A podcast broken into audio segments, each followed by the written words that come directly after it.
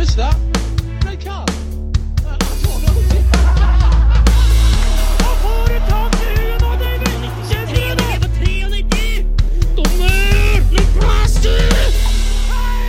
Lokomotiv lyskestrekk. Hei og hjertelig velkommen til Lokomotiv Lyskestrekk, Drammens Tines breddefotballpodkast. Eller i hvert fall Buskerudfotballpodkasten Lokomotiv Lyskestrekk, alt ettersom. Eh, I dag så har vi med oss egentlig Eller vi kan starte sånn. De fleste av dere har sikkert sittet i kø sommerstid. Du skulle egentlig vært på Marienlyst, Konsto eller en annen plass. Du har fått grina til oss å sette på radioen i bilen. Og svitser innom NRK. Da er det vel eh, sport og musikk, og da plutselig så hører noen si Og da setter vi over til Drammen og Anders Wam Bjerkseth. God dag. God dag, god dag. Det kan stemme, det. At det, er, det, er, fins fortsatt de som lytter til radio når det er eh, fotball. Ja, men altså, det er ikke bestandig like praktisk å se på den der eh, appen eh, når du kjører bil, f.eks., eller når du skal sitte og kjøre bil. Så i hvert fall jeg blir kvalm, så det er liksom Da er det bedre å ha på eventuelt på radioen, og da er det jo gjerne rundt uh, Ja, ja, De beste bildene får du på radio. du. Gjør det, du gjør det. Så får jo bare høydepunktene. Du får liksom, det er vel det Ja, det er aldri kjedelig. Det er aldri- Det er aldri kjedelig 442. Nei, nei, for hver gang du, du kommer inn, så er det jo noe å melde. Det er det Det er vel den type form for kommentering på NRK fortsatt? det ikke det? Jo, på de søndagskampene, altså de som går klokka 18 på søndager, så er det den tradisjonelle som har vært i mange, mange, mange år, fra stadion til stadion. Så er det sånn at alle kamper sendes da, så både lørdags-, og fredags- og mandagskamper går jo da går jo de, Hvis det er én kamp, så går det i sin helhet. Så det er jo en litt annen form for kommentering. da. Ja, hvis man kommenterer litt, grann, vi kommenterer litt rann, eh, det klart, da har vi mulighet til å kjøre pris. Det er litt verre på radioen, da, da må du liksom, men da gjenskaper du jo eh, Må fortelle det. Må fortelle det. Men eh, jeg håper hvor lenge har du holdt på med på radio Eller det er vel hvor vi er, det er vanlig NRK, eller NRK Buskerud som på en måte kjører da den Det er NRK, altså Jeg jobber i NRK Buskerud, Ja. men det er NRK Sport som har den sendinga. Så da lånes jeg på en måte ut, da. For Så vi har to stykker i Buskerud, som jeg har Strømsgodset, og så er det Gjermund Midtbø Erikstein som har, eh, som har Mjøndalen i år når de er oppe. Så det er liksom eliteserielaga som skal dekkes. Det, I NRK har jeg drevet med det siden 2011, men jeg har kommentert Godset den gangen da Kanal 1 var et Drammens Tidende-radio. Så starta jeg vel i ja, Det var eh, 16. mai-kampen 2006 er den første kampen eh, jeg kommenterte. Det var borte mot Bodø-Glimt i Nordlandshallen, faktisk. Spilte de den gangen. Oi! Og Mathias Andersson skårte et eh, helt vanvittig mål. Det blei, hvis jeg husker riktig, kåra til årets mål det året de rykka opp, eh, med et soloraid fra, fra egen banedel her. Det høres, den, jeg har hørt den kampen i ettertid. Det høres helt forferdelig ut. Så jeg sier, eh, jeg sier 'å jaså' hele tida. Og det er, det er helt, helt forferdelig, men eh, alle må begynne et sted. Ja, nei, det, det, er ikke, det er ikke lett å kommentere radio i forhold til det man skulle tro. Man skal liksom bare si det som skjer. Men for når man kommenterer TV, så er det litt mer at du, snakker om det som skjer. Ja, du skal, På TV så er det litt mer å supplere. Egentlig har du noen gode historier.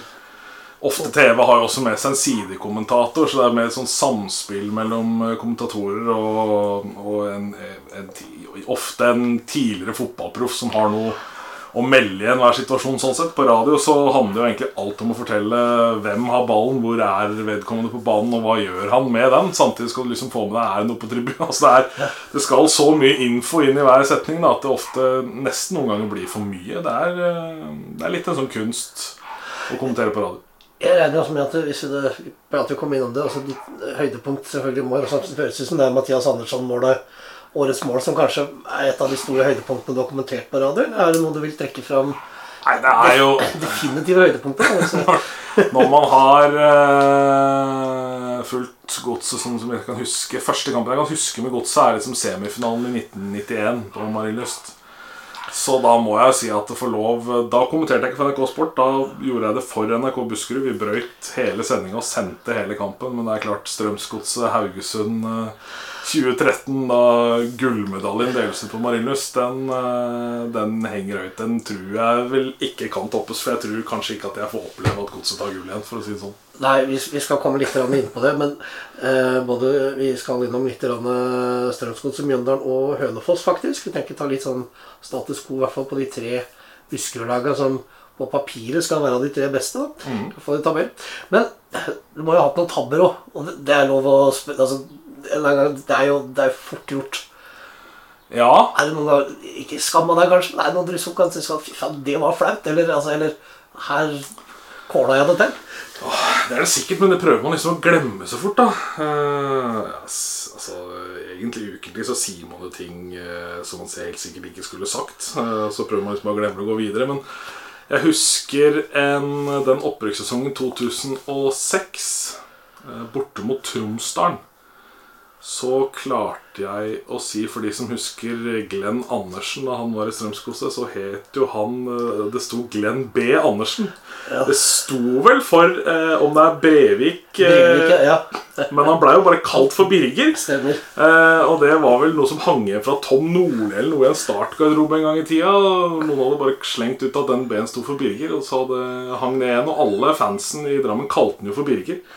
Eh, men på lufta skal han jo ikke Skal han jo ikke omtale som det. Men det gjorde jeg. Eh, sa eh, Birger Og så sa jeg eller Glenn Andersen, om du vil. La jeg til. Hvor da det heller ville seg sånn at hans samboer eller kone hørte på. Og da etter kampen hadde sendt melding til Glenn Andersen og lurte på hvorfor kommentatoren kalte den for Birger. Så nei, da, det var en spesiell, for jeg, da kjørte jeg jo Da var jeg jo sammen med laget når vi reiste med Kanal 1, så da tok jeg buss og fly og alt sammen med laget. Så da Glenn Andersen satte seg ned ved siden av meg på spillebussen og lurte på, lurte på det, hvorfor jeg hadde kalt Birger på lufta, med et voldsomt glimt i øyet, vel. Eh, Som han jo hadde hele tiden, egentlig. Men jeg var ikke veldig høy i hatten akkurat da. Så det er vel kanskje jeg kan trekke fram. Ja, nei, men den, den, den, den syns jeg, jeg er fin. Ja.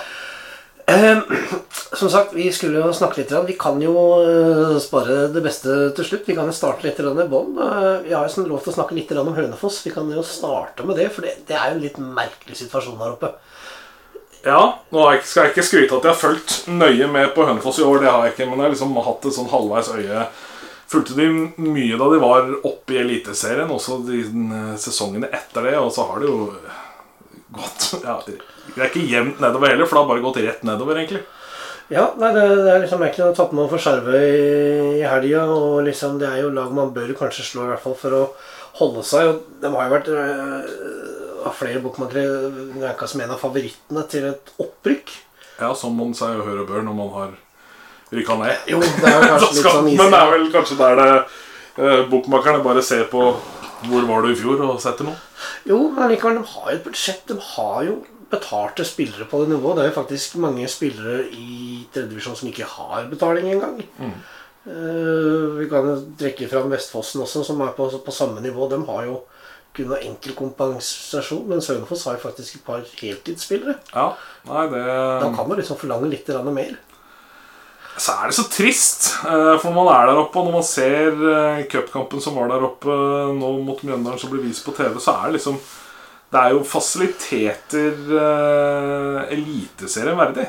Og så driver liksom og dasser en klubb eh, rundt så langt nede i systemet hvor så mye egentlig har gått gærent som det har gjort. Ja, Man har jo fått nytt trenerapparat, man har jo fått henta inn noen spillere. eh, Noen skotter og noen, altså, noen newzealendere. Altså, I hvert fall som man mente skulle være bra. De har jo ikke innfridd. Det er det som er liksom status quo. Det, det er jo det er jo én plass over nedrykk, men det er lenge igjen, selvfølgelig. Ja, det er Så jeg tror ikke det nødvendigvis går ned, men det ser jo Jeg ble vel også gjort oppmerksom på før i dag fra Skal kreditere Marius Helgaard for den, er vel at uh, Sarpsborg Nei, Sandefjord var det vel som står for det raskeste nedrykket i historien fra nivå 1 til nivå 4 ja. på åtte sesonger, eller hva det var for noe. Men da slo man seg sammen med Runar Sandefjord, Sandefjord ballklubb, og så ble det Sandefjord fotballklubb. Ja. Ellers så har vi Fredrikstad, og, som også står for et ganske raskt nedrykk. Men eh, det, ja, det er sånt du ikke vil bli huska for, da. Så det er vel gjerne det siste laget som gjør det, som blir huska for å ha gjort det. For det er jo såpass lenge mellom hver gang. Men å gå ned til regionalnivå, da vil jo klubben være i praksis talt ferdig. Ja, så er det jo en klubb altså, som det liksom aldri har vært ro rundt der oppe heller. Man føler liksom Selv da de var oppe i eliten, så var det ikke Så følte man jo Nå var det på at det- det var et lag som ikke hadde hele byen i ryggen, på en måte. Det er fortsatt litt sånn der, der Liv Fossekallen eh, Ja. på aktige greier også. Da, altså Når man ikke da den sammenslåtte klubben ikke klarte å samle byen heller, da, så blir det, det er Ja, da blir det tyngre når situasjonen er som den er nå også, da. Ja, men det er vel også fordi at man har jo Nå har man begynt å få litt lokale spillere igjen på A-laget, men de er kanskje ikke da gode nok. Altså, Med all respekt for de som spiller der, men, men at man, man da ikke har lokale spillere heller, så blir det vanskelig å få med seg plassen. Helt klart. Det er derfor små lag som Sogndal og sånt nå har Selv om de gjør det dårlig, da, så har man på en måte i hvert fall veldig godt belegg på stadion. Og det er jo fordi at det, det er sønnen til nabogutten Nei, det er naboen som spiller. Alle, har et forhold, alle får et forhold til det, på en måte. Så, Og det er der jeg mener Hønefoss burde kunne profilere mer på at det, det er såpass Alle kjenner litt alle, selv om Hønefoss er en stor plass. Men likevel så er det litt sånn alle kjenner alle. Ja, da så er det et sånt lite egentlig vakuum fotballmessig. For at det er et stykke eh, fra Drammen og opp til Hønefoss. Og det er langt fra Hønefoss og videre oppover til nærmeste. Så det er eh, topplag liksom som man kan ha Det er et stort område å hente spillere fra, egentlig. Som skulle egentlig kunne sogne til en, en klubb som Hønefoss. da Så mm, Nei, de, de har rota det voldsomt til. Men jeg håper jo ikke det går så gærent at de går enda lenger ned, da, for da Jeg tenker også litt sånn Buskerud-fotball. Ja, det er jo Det blir jo et kunstig vakuum når du da har nå eh, Strømsgods og Mjøndalen i Eliteserien. Så har du ingen lag i Obos, ingen lag i Post Nord. Nærmeste Post Nord-laget er vel Asker. Ja. Eh, og da da blir det liksom ikke noe før da treffer øh, Vestfossen og Hønefoss øh, i Norsk Tippingligaen, altså nivå fire. Det er jo Det er jo øh, Det er jo for dårlig. Det er det, og det er, det er ikke heldig for de, de fremste lagene våre heller. Eh, At det er sånn, Jeg så et intervju med, med Dag eller Fagmo her om dagen, og det er vel eneste lag som har andrelaget sitt eh, i andre divisjon så høyt opp man kan få det. Eh, Og Han sa at jeg skjønner ikke at det ikke er flere av eliteserielagene som satser voldsomt på å få til det, fordi da har du en utviklingsarena i din egen klubb. Ja. Som er på et, et såpass nivå at det faktisk går an å bruke det. da Så mm, når den norske løsningen er som den er, at andre lag faktisk spiller i seriesystemet, at ikke det finnes en egen uh, annetlagsliga, eh, så burde nok flere av så, ja, Godset også burde f.eks. satsa mye mer på å ha uh, annetlaget høyere opp i systemet. Da slipper man å låne bort til andre andredivisjonsklubber for at de skal få den matchinga. på en måte Ja, så her er det aller aller beste for kanskje bli lånt ut til en Obos-ligaklubb. da, Sånn at uh... Helt klart, for det er jo et nivå mellom andre og opp til første også, men da det får du jo ikke dekka med ditt uh, annet lag. Nei, men samtidig så ser man liksom litt av de utdannede som har gått fra Strømsgods i år. da, så er det liksom, men Hassan Duman burde jo, han er vel i klubben, men han er jo, han er jo litt sånn midt imellom. Det, det har liksom vært noen skader på et par av dem. Det er jo flere som burde ha fått muligheten til å, å trede fram når man sliter som man gjør. Ja, så har du ikke eh, altså, Man kan godt si at du låner ut en spiller til annendivisjon, at du har brukbar kontroll på det, eh, og du får tilbakemeldingen som er der, men du har ikke like god kontroll som om de hadde spilt på klubbens eget annet lag i den samme divisjonen. Da har man stålkontroll på hvordan eh, en spiller utvikler seg. Treningshverdagen er mye enklere, og du kan trene med, med A-laget, trene på et høyere nivå. Um, altså det er jo nesten bare Eller for å si det er bare oppsider med å ha annetlaget så høyt oppe. Så jeg er enig med Fagmo der at, det, at ikke flere eliteserielag ser verdien av det. Ja. Det er litt rart. Eh, vi kan jo prøve å gå litt videre. Uh, Mjøndalen nå kontra forrige gang de var oppe virker som et mer spillende lag enn den lange, lange ball tupp og mæl. Selv om man likevel har, har spillere til det, da, med Ocean og Man har vel fortsatt disse lange innkastene, men det har jeg sett flere nå. Også elitelaga faktisk Kast er det nye corner. Ja. Eh, Mjøndalen kan mye mer variere nå enn forrige gang de var oppe. Jeg tror de lærte mye opp, Altså Opprykket forrige gang var kanskje et år for tidlig, men du sier jo ikke nei, Nei. når du går opp. Så jeg tror de brukte anledningen til å lære da, og de gjorde seg noen gode erfaringer. Presterte jo ganske bra. Um, før liksom ble mer og mer stopp utover. Men eh, jeg syns det er et mer modent lag, og jeg, eh, jeg syns man så det eh, på I sommervinduet i fjor, at når de da skulle hente spillere, så forsterka de som et eliteserielag. Altså de henta spillere på eliteserienivå, ikke på førstevisjonsnivå. Eh, og da, da tenker jeg at ok, da Nå har de planer om å prøve noe eh, og, og virke enda mer modne denne gangen. Um, og det gjør de. Jeg syns jeg helt til jeg har sagt at jeg tror um, disse ekspertene har bomma når de har tippa på Mjøndalen. Alle de fleste har tippa dem helt nederst på tabellen. Det er ikke jeg så sikker på. Jeg syns det Mjøndalen-laget har en elver som er uh, god når de har fått uh, orden på keeperspillet, for det har de rota litt med. Og det, det er jo selvfølgelig ikke heldig å ha de to keeperne du har i klubben, skada heller. Men nå har de i hvert fall kommet sånn tålelig ut av det. Eh, og så virker det som de lærer, men de har rota bort for mye poeng på overtid. Og det er jeg litt sånn redd for at når du kommer til uh, serierunde 29-30 og skal telle opp her, at eh, de kommer til å tenke med skrekk og gru på hjemme mot Bodø-Glimt og altså alle disse kantene her. Det har gitt bort poeng helt, helt på slutten. Lerkendal sist også, selv om det ikke er på slutten. Så den første skåringa er etter klabb og babb i eget felt, som er ett spark på ballen og får litt og hva som skjer på den siste skåringa tør jeg nesten ikke tenke på, for det jo Det er jo rein komikveld når du ser det målet. Så um, det må de, hvis de sier, Vegard Hansen sier de lærer, det må de lære veldig fort. da Og kvitte seg med egentlig ganske fort. Jeg hørte det var, det var Dag Solstad som sa det. At det, er, eh, det var vel riktignok etter Lillestrøm-kampen hvor man på en måte kasta bort to poeng også eh, i andre omgang. på en måte Man hadde egentlig alt på gaffelen, og så rører man det til eh, i pausen. Et eller annet går gærent der. Bussen kom jo en Kampen ble utsatt en time av 16. mai-runden.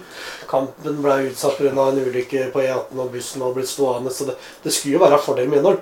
Ja, absolutt. Eh, Men det viser seg at å sitte i buss lang tid Vi så jo Kristiansund.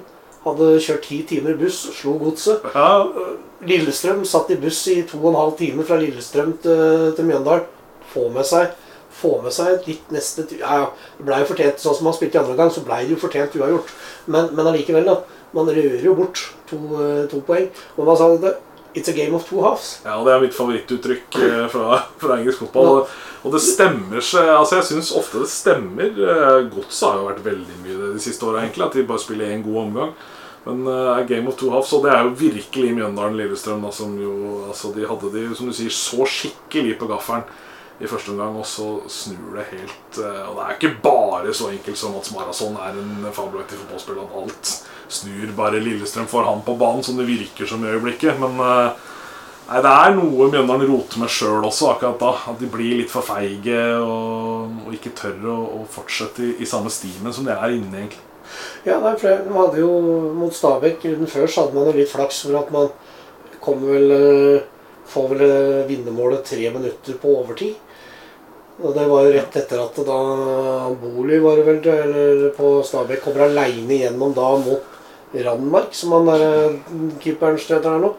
Tok vel og eh, Tok jo en kjemperedning der, og det er jo kanskje bra for Mjøndalen, som måte har slitt litt på keeperposisjon med Makani ute, da.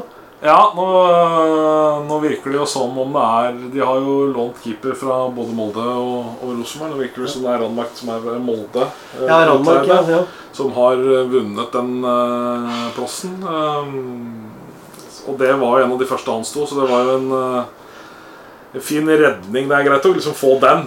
Ikke bare redder du der på overtid og ser ut som redder redde ett poeng, men så går laget ditt opp og scorer i tillegg. Så da, Da blir jo litt helt. ja, det bygger litt, det bygger litt selvtillit også, det som er veldig viktig på keeperplass. Og sånn som de liksom har slitt og, og leita med det. Og pressen sto der oppe hver dag, og det var jo nesten sånn uh, føljetong hvor uh, spillerne bare kom ut og sa sånn Nei, vi har ikke, har ikke, har ikke signert noen keeper i dag heller, liksom. Så Men de har jo hatt litt problem Jeg synes liksom de har hatt problem på keeperplass egentlig i flere år, fordi at man har vel hatt han um, um, Bukve.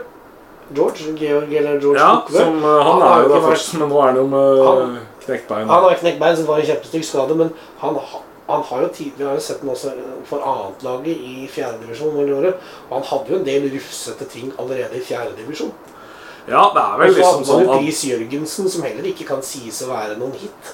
Nei, og så var vel ikke Forn heller noe sånn eh, Det var ikke noe megakeeper på det høyeste nivået, han heller, sånn sett. Så det er jo Sosha Makani som liksom har vært den Det er der problemet ligger, at han ikke kan eh, stå i mål akkurat nå. Men nå er vel han klar igjen til høstsesongen. da Skal jo bli klar i sommer igjen. Ja, de sier så, men samtidig altså, Nå vet jo ikke jeg hva grunnen til det var, men han var jo en liten tur innom Strømsgodset på lån og fikk det jo ikke til i Eliteserien. Han, var jo, han har vært definitivt best i Obos.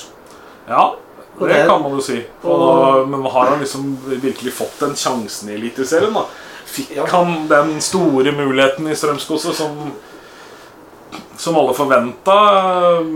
Nei, jeg syns jo kanskje ikke han gjorde det. Men det må jo være et eller annet som har skjedd på trening som gjorde at han ikke ble førstevalget i, i godset. Han kan jo ikke ha prestert godt nok, da. Må vel ledelsen der ha ment.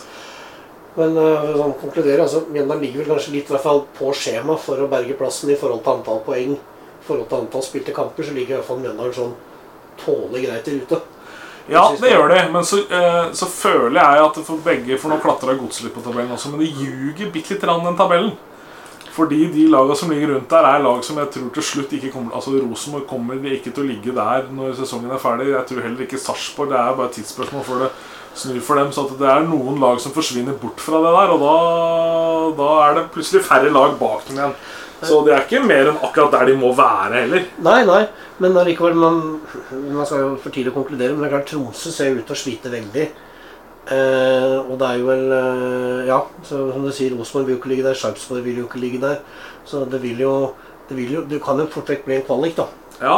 eh, For enten Strømsgodset eller Mjøndalen, hvis ting ikke på en måte snur for Strømsgodset sin del. Vi skal komme litt tilbake til det. Men Så er det sånn noen lag som har liksom prestert Altså, jeg øh, satte jo Bodø-Glimt langt ned. Det ser ut til å bli en skivebom av dimensjoner.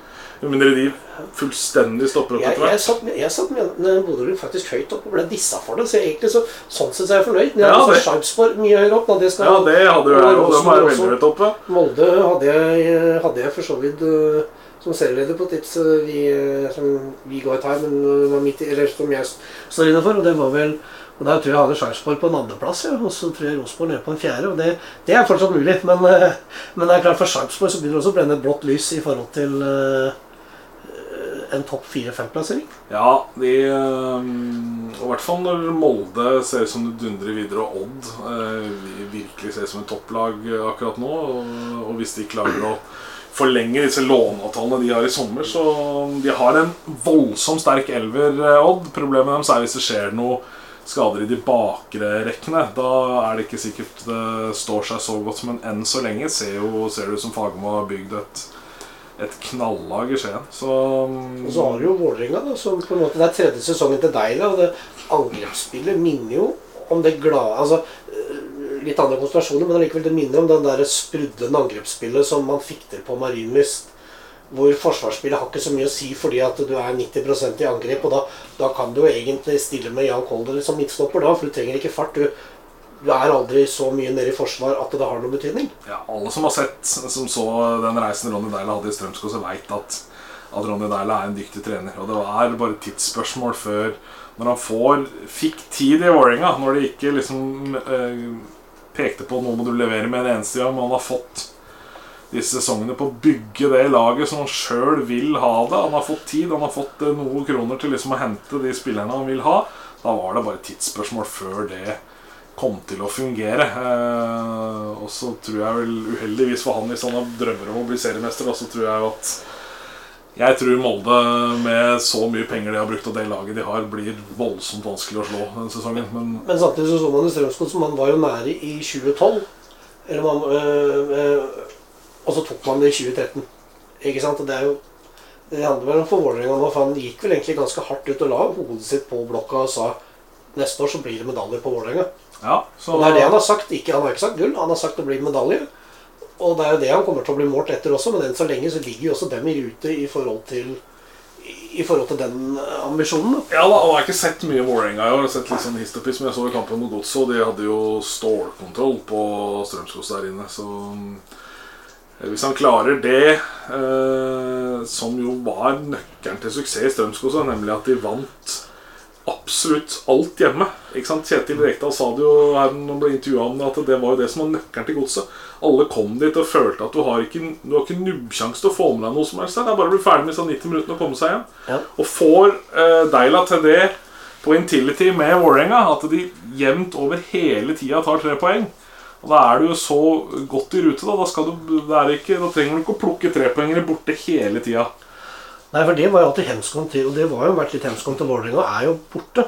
Ja. Det er det som på en måte også var litt problemet i Godset også, at man vant jo ikke en bortekamp. Nei, og det var jo det ikke sant, De, de, åra før der hvor det var, føltes som var sånn nesten så vant de alt hjemme med, og så tapte de alt borte. Så skyldte man jo på naturgress og at man ikke var vant til det. og liksom, Men det handla jo om å komme inn i den stimen, og så så du jo det gullsesongen. De, var- de karre, De var jo ikke helt vanvittige på bortebane på slutten heller. De karra med seg noe både Haugesund borte og Ålesund borte på slutten her, hvor Kovac vel ble matchvinner i begge.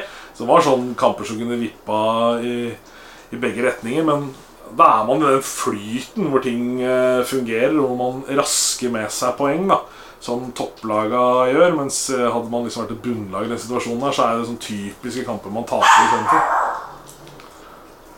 Men ja, nei, for altså, man har jo da eh, Altså eh, man hadde vel, Jeg tror man hadde eh, 30 kamper eh, omtrent på hjemmebane med strake seire, og likevel så tapte man gang på gang.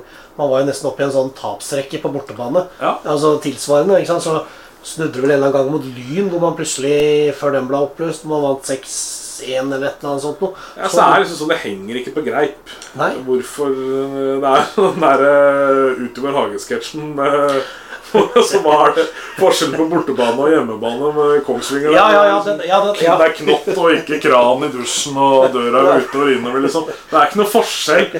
Det er, ja, eh, mye, men det er, liksom, det er grønn gressmatte. altså. Jeg skjønner jo at en publikum har jo en større påvirkningskraft, og det er litt annerledes å spille bort. Man blir automatisk mer defensiv, sånn, men det er jo en grunn til, når man er så god som godset var da, at man liksom alltid skulle tape borte. Og mot, mot eh, mye dårligere motstand også. Ja, man røyker ofte i, sånne andre tredjerundekamper i cupen mot ja, Fram Larvik var vel det verste eksempelet, vel? Eller noe der omkring. Sleit. Det var jo Morten mot husker jeg ikke, men i hvert fall de røyker jo De måtte bare Øvre Hosle de, de måtte Da ble det ekstraomganger og Ja, straffespark, og da var det Amoror eller noe sånt som satte inn en sånn der befriende scoring rett før dommeren hadde tenkt å blåse tror jeg. Ja, det var, og dommeren la jo bare til. Ja. Og la jo og la jo til. Jeg tror det var lagt til tre minutter, og de skårte seks minutter på overtid. Det var liksom lagt til så mye ekstra. Det var Ja, det var jo Fullstendig furore med Øvre Oslo. Var jo så forbanna. Og så knekte man dem i ekstraomgangene, for da Ja, for da da var det, sluttkjørt. da var det fullstendig ferdig. Men det var den, da var det skikkelig dårlig tidlig runde i cupen også. De sleit vel Asker eh, husker jeg man tapte for også eh, Ja, så sleit de mot Konnerud et år. Ja, da, Mot, ja. eh, ut, eh, var det ekstraganger der òg? Ja. Det var liksom eh, Nei, De har til å være sånt man liker å kalle et cuplag-godset, så har de ofte slitt tidlig i rundene. Så det var det som var liksom når man nå har slitt som man har gjort egentlig i år, og så kom den første runden nå som var sånn Oi, jøss, hva skjedde der? Nei, det er um, Men vi er jo da mm, glidende overgang inn på godset. For eh, rett før, det var vel 15. mai, så kom jo beskjeden mange på en måte kanskje har venta kom, bare i en litt annen kontekst. Eh, at BP da trer av som trener. Eh, ikke noe imot BP sånn sett, men om han ikke hadde trukket seg, så hadde vel kanskje fått Altså, sparken er kanskje litt hardt ord å si, men han, han hadde vel ikke kunnet få fortsette så veldig mye lenger med de resultatene? Jeg veit ikke om Godset kunne levd veldig mye lenger med det. Men det er- jo ikke typisk Gods å sparke trenere heller, da. Eh, Så kan vel tenkes man hadde kommet til en løsning der man, der man kanskje hadde øh, omplassert Det Bjørn er Petter. og kanskje der man er, for jeg tenker altså Det som er litt typisk, da, men klart nå er jo også Jostein Flo sjukmeldt, og den, den er en legal grunn og avtalt dekning for lenge det er ikke det. Det, det, det ser jo veldig rart ut på papiret, da. At det først får man en trener som ikke takler stresset. Og jeg mener at det, det var vel kanskje også en del av grunnen, eller eh, hovedargumentet som mange som var skeptiske til å ansette BP igjen, var at takler han det presset med å være en eliteserietrener, når han da hadde de helseproblemene som han hadde? Ja, Og samtidig da så har det kommet litt fram kanskje da at det var en styre-investor-ansettelse, mens BP var da en Jostein Flo-ansettelse. Og begge deler har jo funka like dårlig, eller like bra ettersom du, du snur og vender på det. Men poengsnittet var ikke noe bedre enn den siste altså under BP Toro i den perioden. Blei, og, og, og det er jo merkelig at dette skjer kun få dager etter at Jostein Flo egentlig får så hatten passer av egne supportere, av delvis av Drammens Tid, altså av, av folk rundt klubben. Og man ser jo på tilskuertallene man, Vi har jo vært der nede, og man har opplyst at det er 4500. Det er kanskje 3000.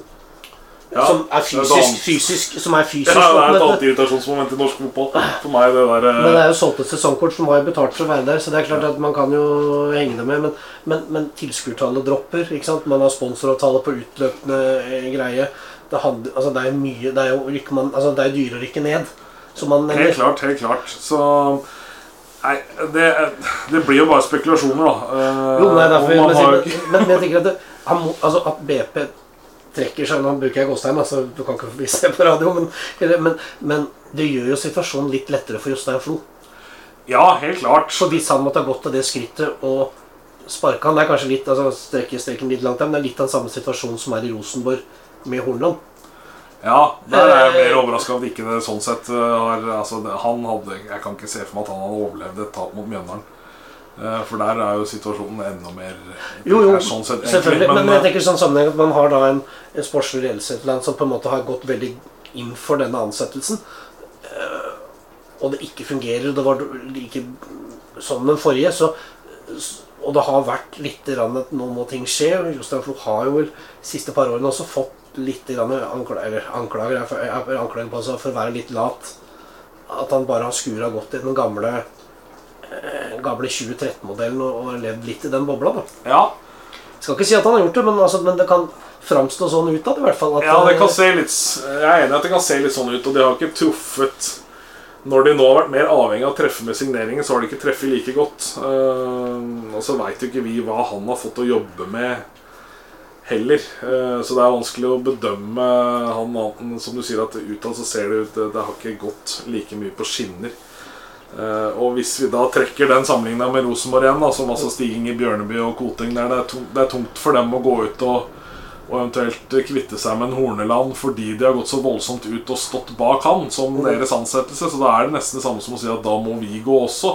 Ja. Og hvis du ser sånn på de godset, som at da Flo har stått så voldsomt bak BP at han At det blir en slags mistillit til han også, så kan det er jo én tanke. Men Ja, men for tanken, altså, det, altså, Hvis man strekker den store linja altså, Man har bomma i hvert fall i tre siste overgangsvinduene. Og man har vel egentlig bomma på alle treneransettelsene siden deg, da. Uh, ja, minus første Bjørn Petter, da. ja, men, men på slutten av den perioden så Det gikk jo Han tok over. Så gikk det veldig bra en periode, så kom litt motgang. Og så etter det så pekte jo pila nedover, og helseproblemene kom. Ja. Uh, Så var det litt turbulent tid da med For det var vel etter David Nilsen som Men tallene til David Nilsen er jo egentlig langt bedre enn det folk egentlig ikke har fått med seg. For det ble salg av Vikheim, Fossum, eh, Martin Ødegaard, eh, Rønning Ovenstad Ja. eh, og sønnen hans eh, Eh, ja, Noah, eh, Noah. Nilsen. Ja. Ikke sant? Det var mange spillere som også forlot klubben på salg for gode penger for Strømsgodset Ja, ja. i den perioden også, så han hadde ikke det letteste arbeidsforholdet. Men tar man David Nilsen og kontra de andre som har vært der, så hadde han et høyere poengsnitt. ja, det kan jeg tenke meg. Sånn at det liksom tallene altså Det er greit, men, men da var man kanskje altså, Da hadde man akkurat vunnet gull. Man, liksom, man skulle videreutvikle dette her sånn. Man skulle, i- vi snakke om det kanskje litt før at det, han skulle, de skulle kanskje vært der Sarpsborg har vært de siste åra. Kanskje greid å karre til oss et gruppespill i Europaligaen. Men ting gikk jo ikke den veien. Ikke sant? Og så kommer Thomas André inn som en sånn nødvikar. Mister blir litt grann i garderoben. Så kommer BP-en, som kanskje mange mener at det var vel kanskje en litt sånn desperat ansettelse til å prøve å få inn eh, få inn noe, da. Ja, Han var det de trengte akkurat da. eh, Og de endte jo til slutt med medalje, da. Ja. da og så, så kom jo da den nedturen, egentlig. Men, men der og da var han vel hvis Han var jo en rake motsetning. Han var i hvert fall en motsetning til David Nilsen, og kanskje var det akkurat den medisinen godset trengte da. Og det, det tyder resultatene på, i hvert fall den sesongen. Ja. Og så sitter jeg vel med en følelse at det er det de har tenkt denne gangen også. At eh, ja, men dette funka så briljant sist at det da da prøver vi BP en gang til, og så har det, eh, så har det ikke fungert. Og når helsa da tydeligvis heller ikke tåler det trøkket det er å være trener i Eliteserien For et lag i motgang i Eliteserien. Ja, ja. For det, altså, For det er vesens forskjell. Hadde man ligget på en tredje-fjerdeplass eller en femte-sjetteplass for den saks skyld, og, og, man hadde spilt litt interessant fotball å se på, ikke rote bort ballen på midtbanen, og du har en, en offensiv midtbane som fungerer som en tredje stopper. Altså man, man, man, man flyr et hals over hodet der, sånn, så, eh, så blir det vanskelig. Ja og, og begeistre folk og, og, og, og trøkket fra media. ikke sant? Man har ja, alt fra ja, NRK Radio står jo i mikssonen og venter i timevis for å få intervjua. ikke sant? Altså, Eurosport, ja, nesten vi også Drammens Tidende, man har egen medieavdeling. Fans, supportere. Alt står jo bare og koker, liksom. Og, og med den høstsesongen man hadde i fjor, hvor man var nesten avhengig av å slå eh, Stabæk eh, i siste matchen der eh, på bortebane så, for å unngå kvalik, så alt skjedde jo helt i siste runde der. Ja, Man det var man var nede. fra å- rykke ned. Det var det. Ja, og man var liksom sekunder også unna et, øh, en kvalik også, som jeg er overbevist om at den er ikke sikkert vi hadde greid. Nei, det er det jeg sier det rett ut. De var sekunder unna å rykke ned, for de hadde ikke greid den kvaliken, tror jeg. Så Nei, nei så det mm, Det er åpne seg for de som lurer det. Det, det, det bøtteregner ute, men vi sitter trygt og godt i trøya. Ja. Bare sånn at vi Nei, det er um, Det er en vesensforskjell, det er selvfølgelig å trene et eliteserielag i, i medgang og motgang. Og, og ingen av oss uh, veit hva slags trøkk det er. Det kan godt altså, Det er jo en pågang i, i medgang eh, også, selvfølgelig. Mye som skal gjøres og mye som skal svares på. alt mulig sånn, Men det, det er vel noe mer lystbetont, vil jeg anta, enn når alt går på tverke. Um, og Men- det tålte han rett og slett ikke til slutt. Nei, for jeg tenker også sånn, sånn leder øh, så er det jo alltid en fordel å Altså, Hvem som helst leder kan jo gå inn og gå til arbeidet sin og si å, i dag får alle 10 000 ekstra i måneden. Det, det, det krever jo ikke noe. Men det er det at du skal snu en negativ trend. Ja, Altså et underskudd til en, altså prøve å, å på å si nesten da øh, si opp folk og prøve å snu det til noe positivt. Det er da du på en måte ser hvor god en leder er. ja. Og det er jo der jeg kanskje føler at BP da ikke hadde de rette verktøyene i sin verktøykasse. At uh, Han er god med juniorer, er uten tvil om at det juniorarbeidet at mange av de spillerne som også var nevnt som Dan Nissotte, er jo også en fortjeneste av uh, Bjørn Petter. Som har vært god med de yngre spillerne. Ja, vi skal ikke, skal ikke glemme det hva Bjørn Petter Ingebrigtsen, som har vært så lenge i Strømskosen, og hva han egentlig har betydd for klubben. Hva han har gjort. Han står bak mye av de navnene vi ramsa opp i stad, av spillere som er solgt. Han var liksom den som øh, Jeg sitter med følelsen av han som var den som fikk skikk på Markus Pedersen en gang i tida. og og litt sånt noe, men, øh, men spørsmålet er jo om han er bedre der. Han er nok en bedre spillerutvikler og en som finner talenter, enn han er hovedtrener på på eliteserienivå. For det er en helt annen ballgame.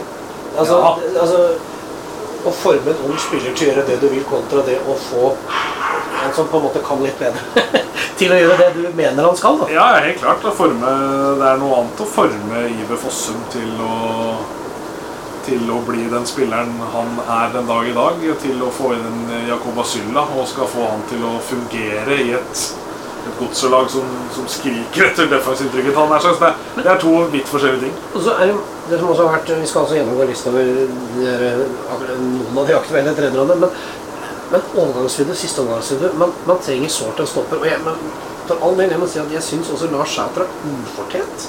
Har fått en del kjeft.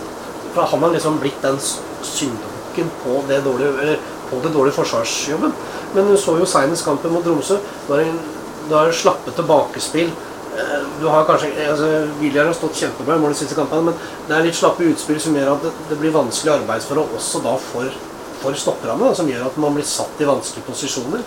Når midtbanen mister ballen, så er det ikke. En, en framadstormende stopper da har jo ikke den beste, eller de beste korta på hånda for å stoppe overgangen heller. Nei, og disse feil, for Vi snakka om hvis Mjøndalen har gjort feil som har kosta ham poeng. Det har Godset definitivt gjort også. Men det er ikke bare Lars Sætra som har gjort det. Nei. Det er jo William Myra med det ene dårlige utspillet. Det er jo Kobasylla i den ene kampen. Det var vi hjemme mot Kristiansund, mista ballen her.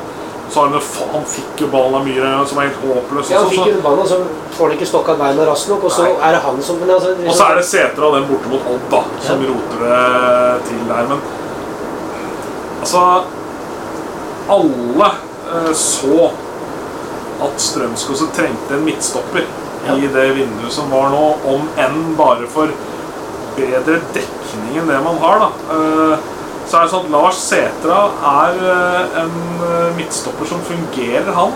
Men kanskje mer i enkeltkamper enn jevnt gjennom en hel sesong.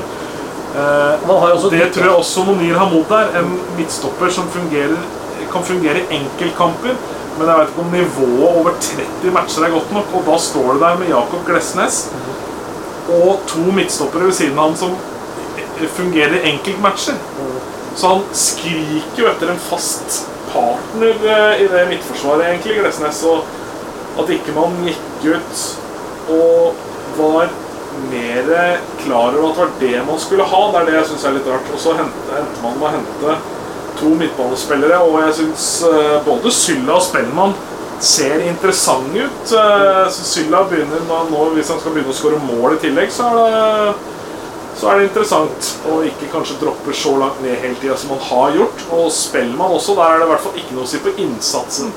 Så jeg, jeg- ja, det er helt greie spillere å få inn, men et midtbaneledd som fra før av eh, Er overbefolka. Ja, hvor det er så mye man- spillere som er like hverandre. Og så henter man Rønning Ovenstad og Keita. Altså Nå var Rønning Ovenstad øh, bra, og, og Keita veit jo man jo kan jo er jo en type, Han er drammenser, og han er jo en type spiller som Hvis han har huet med seg på rette og er riktig påskrudd, så er det få som matcher øh, hans lekenhet på øh, Han har det litt ekstra. Han har Ja, den. Keita er et pønt, og det koster ikke så mye. Det er en sjanse verdt å ta, fordi han kan nettopp levere den X-faktoren. Han er den nøkkelen Hvis de får han i form, så er han den nøkkelen som kan låse opp en kamp. Som gjør at de, når de stanger og stanger og stanger, kanskje drar han av to mann, og så er de i overtall på et sted. Men, eh, så det, det At han ble henta, det er forståelig. At de forlenga med Rønning Omstad, er også et, sikkert et håp om at de skal få han tilbake til den spilleren han var en gang i Strømsgodset. Og nå ligna det mer på noe nå. Det, det som jeg syns er så morsomt med Martin, er at eh, du ser Han er jo oppriktig talt veldig glad i Strømsgodset. Ja, det jo Han bryr seg jo om den fotballklubben. og Du, du så altså, Han tok jo omtrent tårene ut på banen da han skåra der. Så Ja. det betyr så enormt mye for ham. Du trenger noen sånne spillere som virkelig skjønner hva det, ja. hva det betyr. Og det er jo de Det er jo en sånn type spiller du må ha på banen når de skal møte Mjøndalen borte. Ja. En spiller som har vært i egentlig begge klubbene, men en som veit hvor viktig den matchen er. Altså, Martin Henning Ovenstad veit det veldig mye bedre enn Henning Hauger og Jakob Ja. Asylla hva den uh, Mjøndalen Godsekampen kommer til å bety. Så at de henta eller beholdt han også, det er jeg heller ikke sånn veldig overraska over. Men at de, de har en midtbane full av mye spillere, uh, og mye like spillere, og så mangler de en uh, stopper, en bredere dekning på stoppeplass. Aller er helst et reelt førstevalg ved siden av. Ja, det, ja, det, er- det er et reelt førstevalg. Og samtidig så har man jo også savna litt med den Jeg er veldig bruker jo rasshølet på midten. altså, Man hadde i Stefan Johansen, man hadde i Basel Geradi. Den der som på en måte stuper fram med huet først uten å tenke på konsekvensene.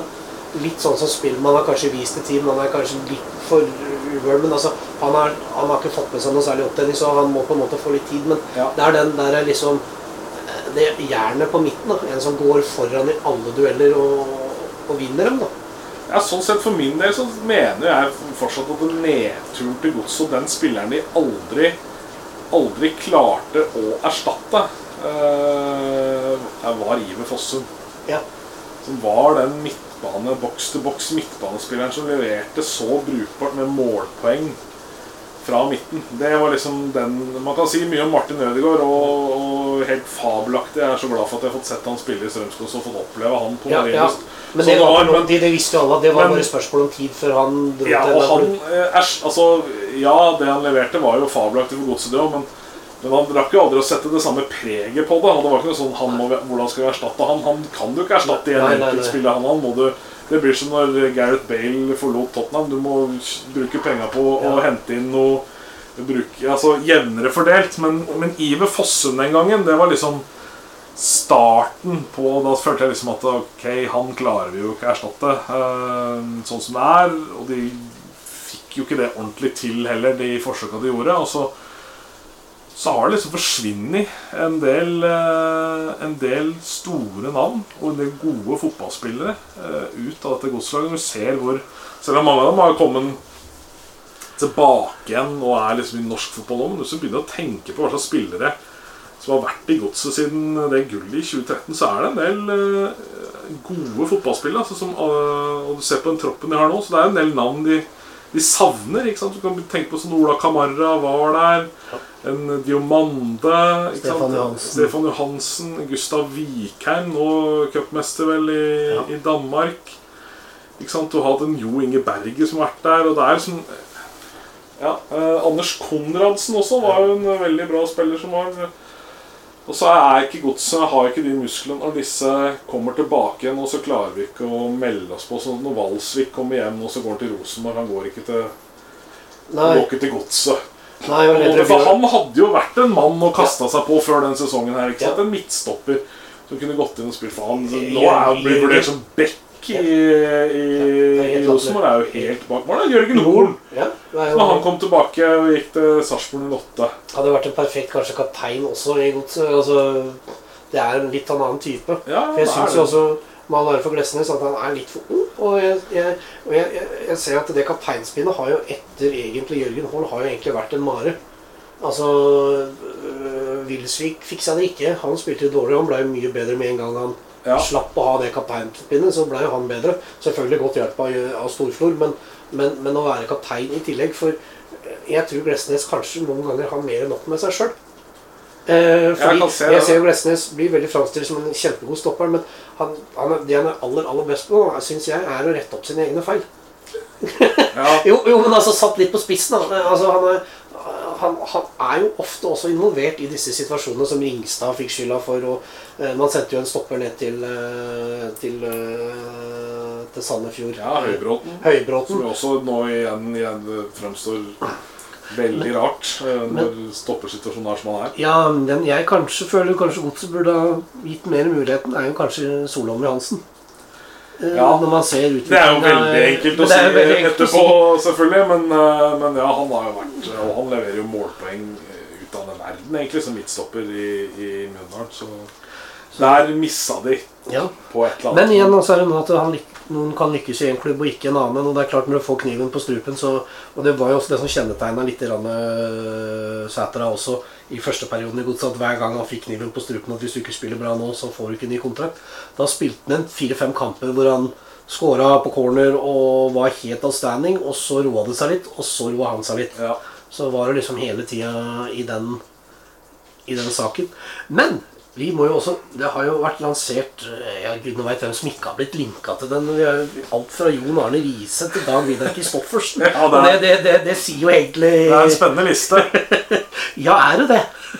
Ja, det er mange spennende navn på en liste. Ja, det er det. det, er det. Eh, absolutt. Og, Merkelig at Ivar Hoff ikke er nevnt. Det er liksom, ja, men det, Altså si Men eh, det er en bråta med navn. Hvem er det liksom du kunne sett for altså, Med all respekt for Håkon Bibel Lund, men det er vel faren for godset er vel kanskje at eh, det klassiske godset er at, Håkon, at det regimet der vinner et par-tre kamper sånn, får en god opplevelse i cupkampen, selv om han ikke er en del av det. Flyr fram og tilbake i Polen, mellom Polen og Strømsgodset. Og assistenten til assistenten til assistenten skal lede eh, Ja, det er vel som skal lede dem nå i cupen, og så skal vel eh, Så skal vel Vibelund fly tilbake igjen kun for å lede laget mot Ranheim. Så så det Ja, det er jo litt som du, det du prøver å si, antar jeg, er vel at det er litt typisk gods at Vibelund og de drar sammen et par seire nå før denne fotballpausen. Og så, og så seiler han opp som den heteste kandidaten, og så blir det han. Og så har de ikke bevega seg noe vei fra BP, på en måte. Nei, fordi man får liksom altså, får han ut sesongen på seg, for da skal man bruke tid. Og så får han ut sesongen på seg, og så vinner han kanskje tre kamper til. Og så får han en treårskontrakt. Og så skjer det samme som med BP, for BP var jo klart best så lenge han var midlertidig manager. Ja. I, I det øyeblikket han fikk fast kontrakt, så, så gikk resultatene nedover. Det er jo tilfeldighetene rår her, men det er liksom litt sånn typisk da, at uh, man spiller tre kamper. Man sier først ut sesongen, så får vi se. Så går det fire-fem kamper, alle er superhappy, og så får man treårskontrakt. Ja. Ja det er litt sånn godset. Så Nei, det er en mulighet. Det og Vibelund er sikkert en av kandidatene. Han er jo mest opptatt av sjøl å bare si at han håper han ikke er ferdig i godset. Eh, for han innser at det blir, blir en annen trener eh, etter hvert her. Så kan det jo godt tenkes at trenerteamet eh, blir bytta ut. Så Er ikke det litt naturlig også? For nå har vi jo altså, Det er Jo, jo for nå er det mye assistenter til assistenter. Altså folk som har vært eh, en eller annen, en eller annen sin assistent. Ja, så det kan være Nå er ikke jeg der at uh, for all del, Jeg har ikke noe ønske om at Vibel Lund skal ut av Godset. Nei, nei, nei, nei, for all del, det ikke det, for han, men Og Bekke, altså Hvem er han til å spå? Plutselig kan han levere, han altså. Eh, Jeg liker jo det Jeg likte det jeg så nå med Tromsø av han på, eh, på benken. Er voldsom energi. Og er Ja, altså, han var vel egentlig ikke på benken. Nei, ikke sant, han var jo så- så løp Som jeg sa på at jeg tror han har flere kilometer enn et par av midtbanespillerne utpå der, egentlig. Ja.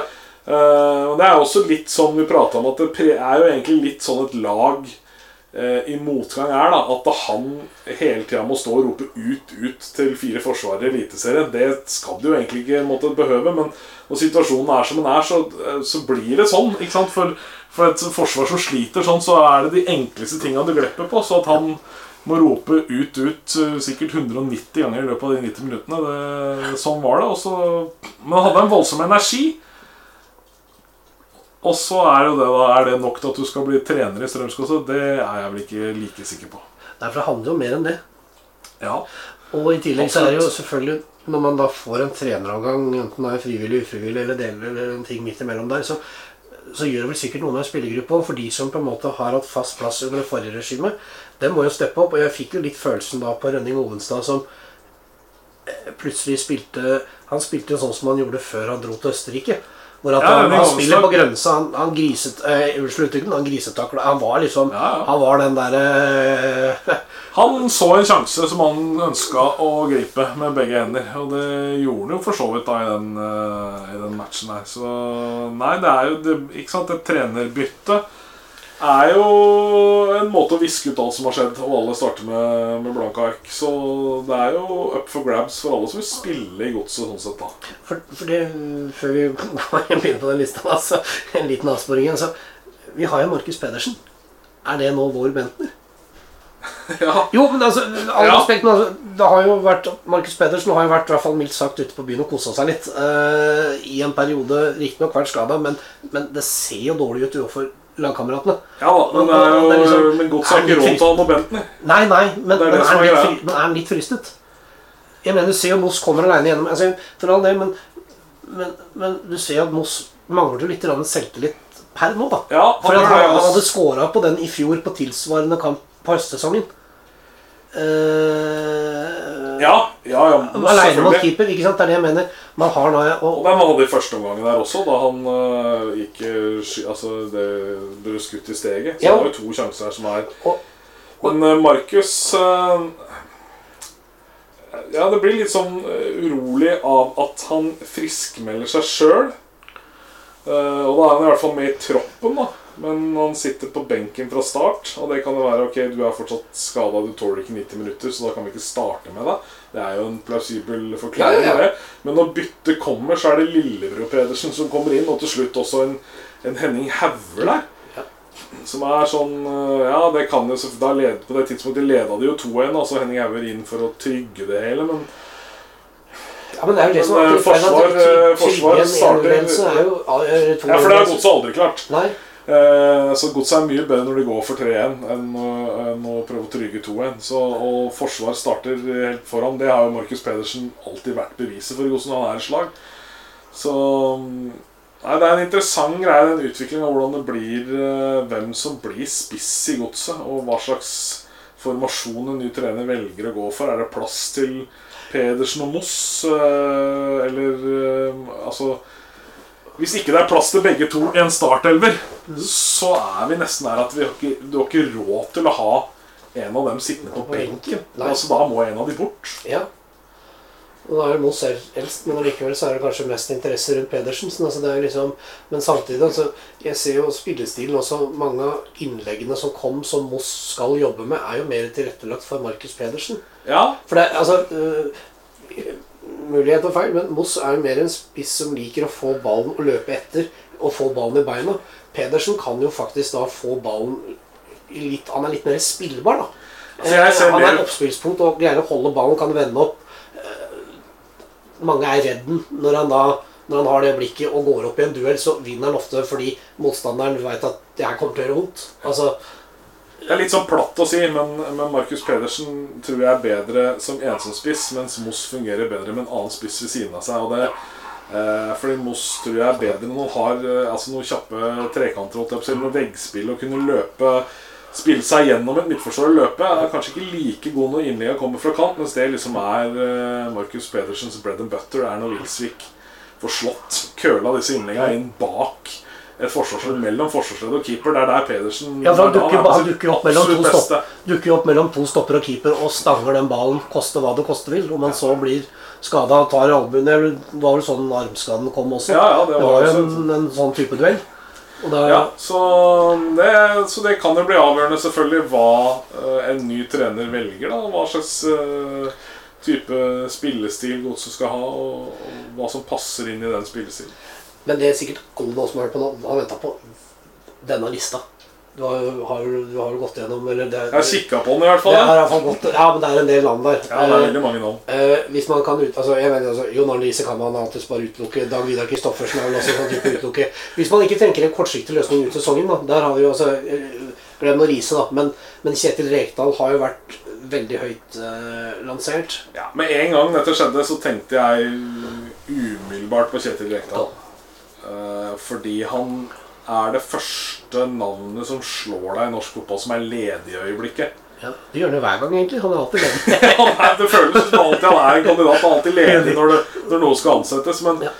uh, hvis de får med han på en kortsiktig løsning, så kan det være altså Kjetil Rekdal ut sesongen. Da tror jeg ikke godset går ned. Nei. Jeg tror han holder dem oppe. Men er Kjetil Rekdal lysten på å komme tilbake til Eliteserien bare for å signere kontrakt med et lag ut sesongen, og så skal noen andre ta over? Det er ikke Nei, det er vel, han liker, han liker å tenke langsiktig.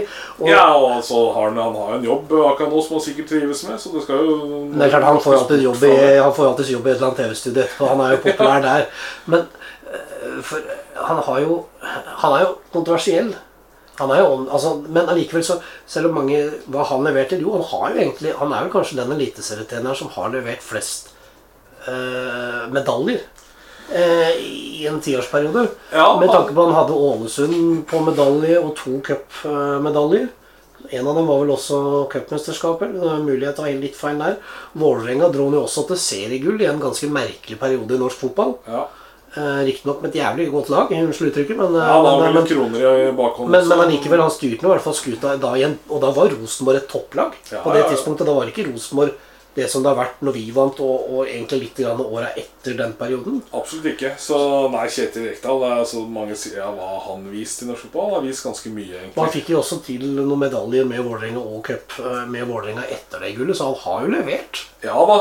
Uh, Det er litt sånn som Så Norges spørsmål- Mourinho, nesten. Fordi at han er ikke likt, men allikevel så leverer han resultater. ja. Og så er det litt sånn det er vel, Nå husker jeg ikke navnet på han sto jo på en liste, han også. Er det Morten Er det Abrahamsen, eller hva han heter? Han som han hadde med seg i eh, Start?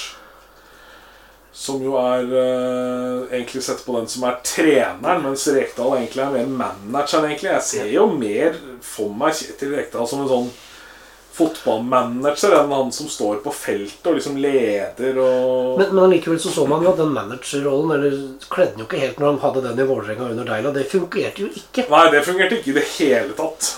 Fordi at jeg tror Rekdal Men det ble en sånn merkelig Hva var det for en slags hybrid av en rolle han skulle ha da? Som jo var eh, Der var det noe som var ja, veldig snålt, egentlig. Og samtidig så har han jo et godt navn ute, og han ønsker seg ut som trener.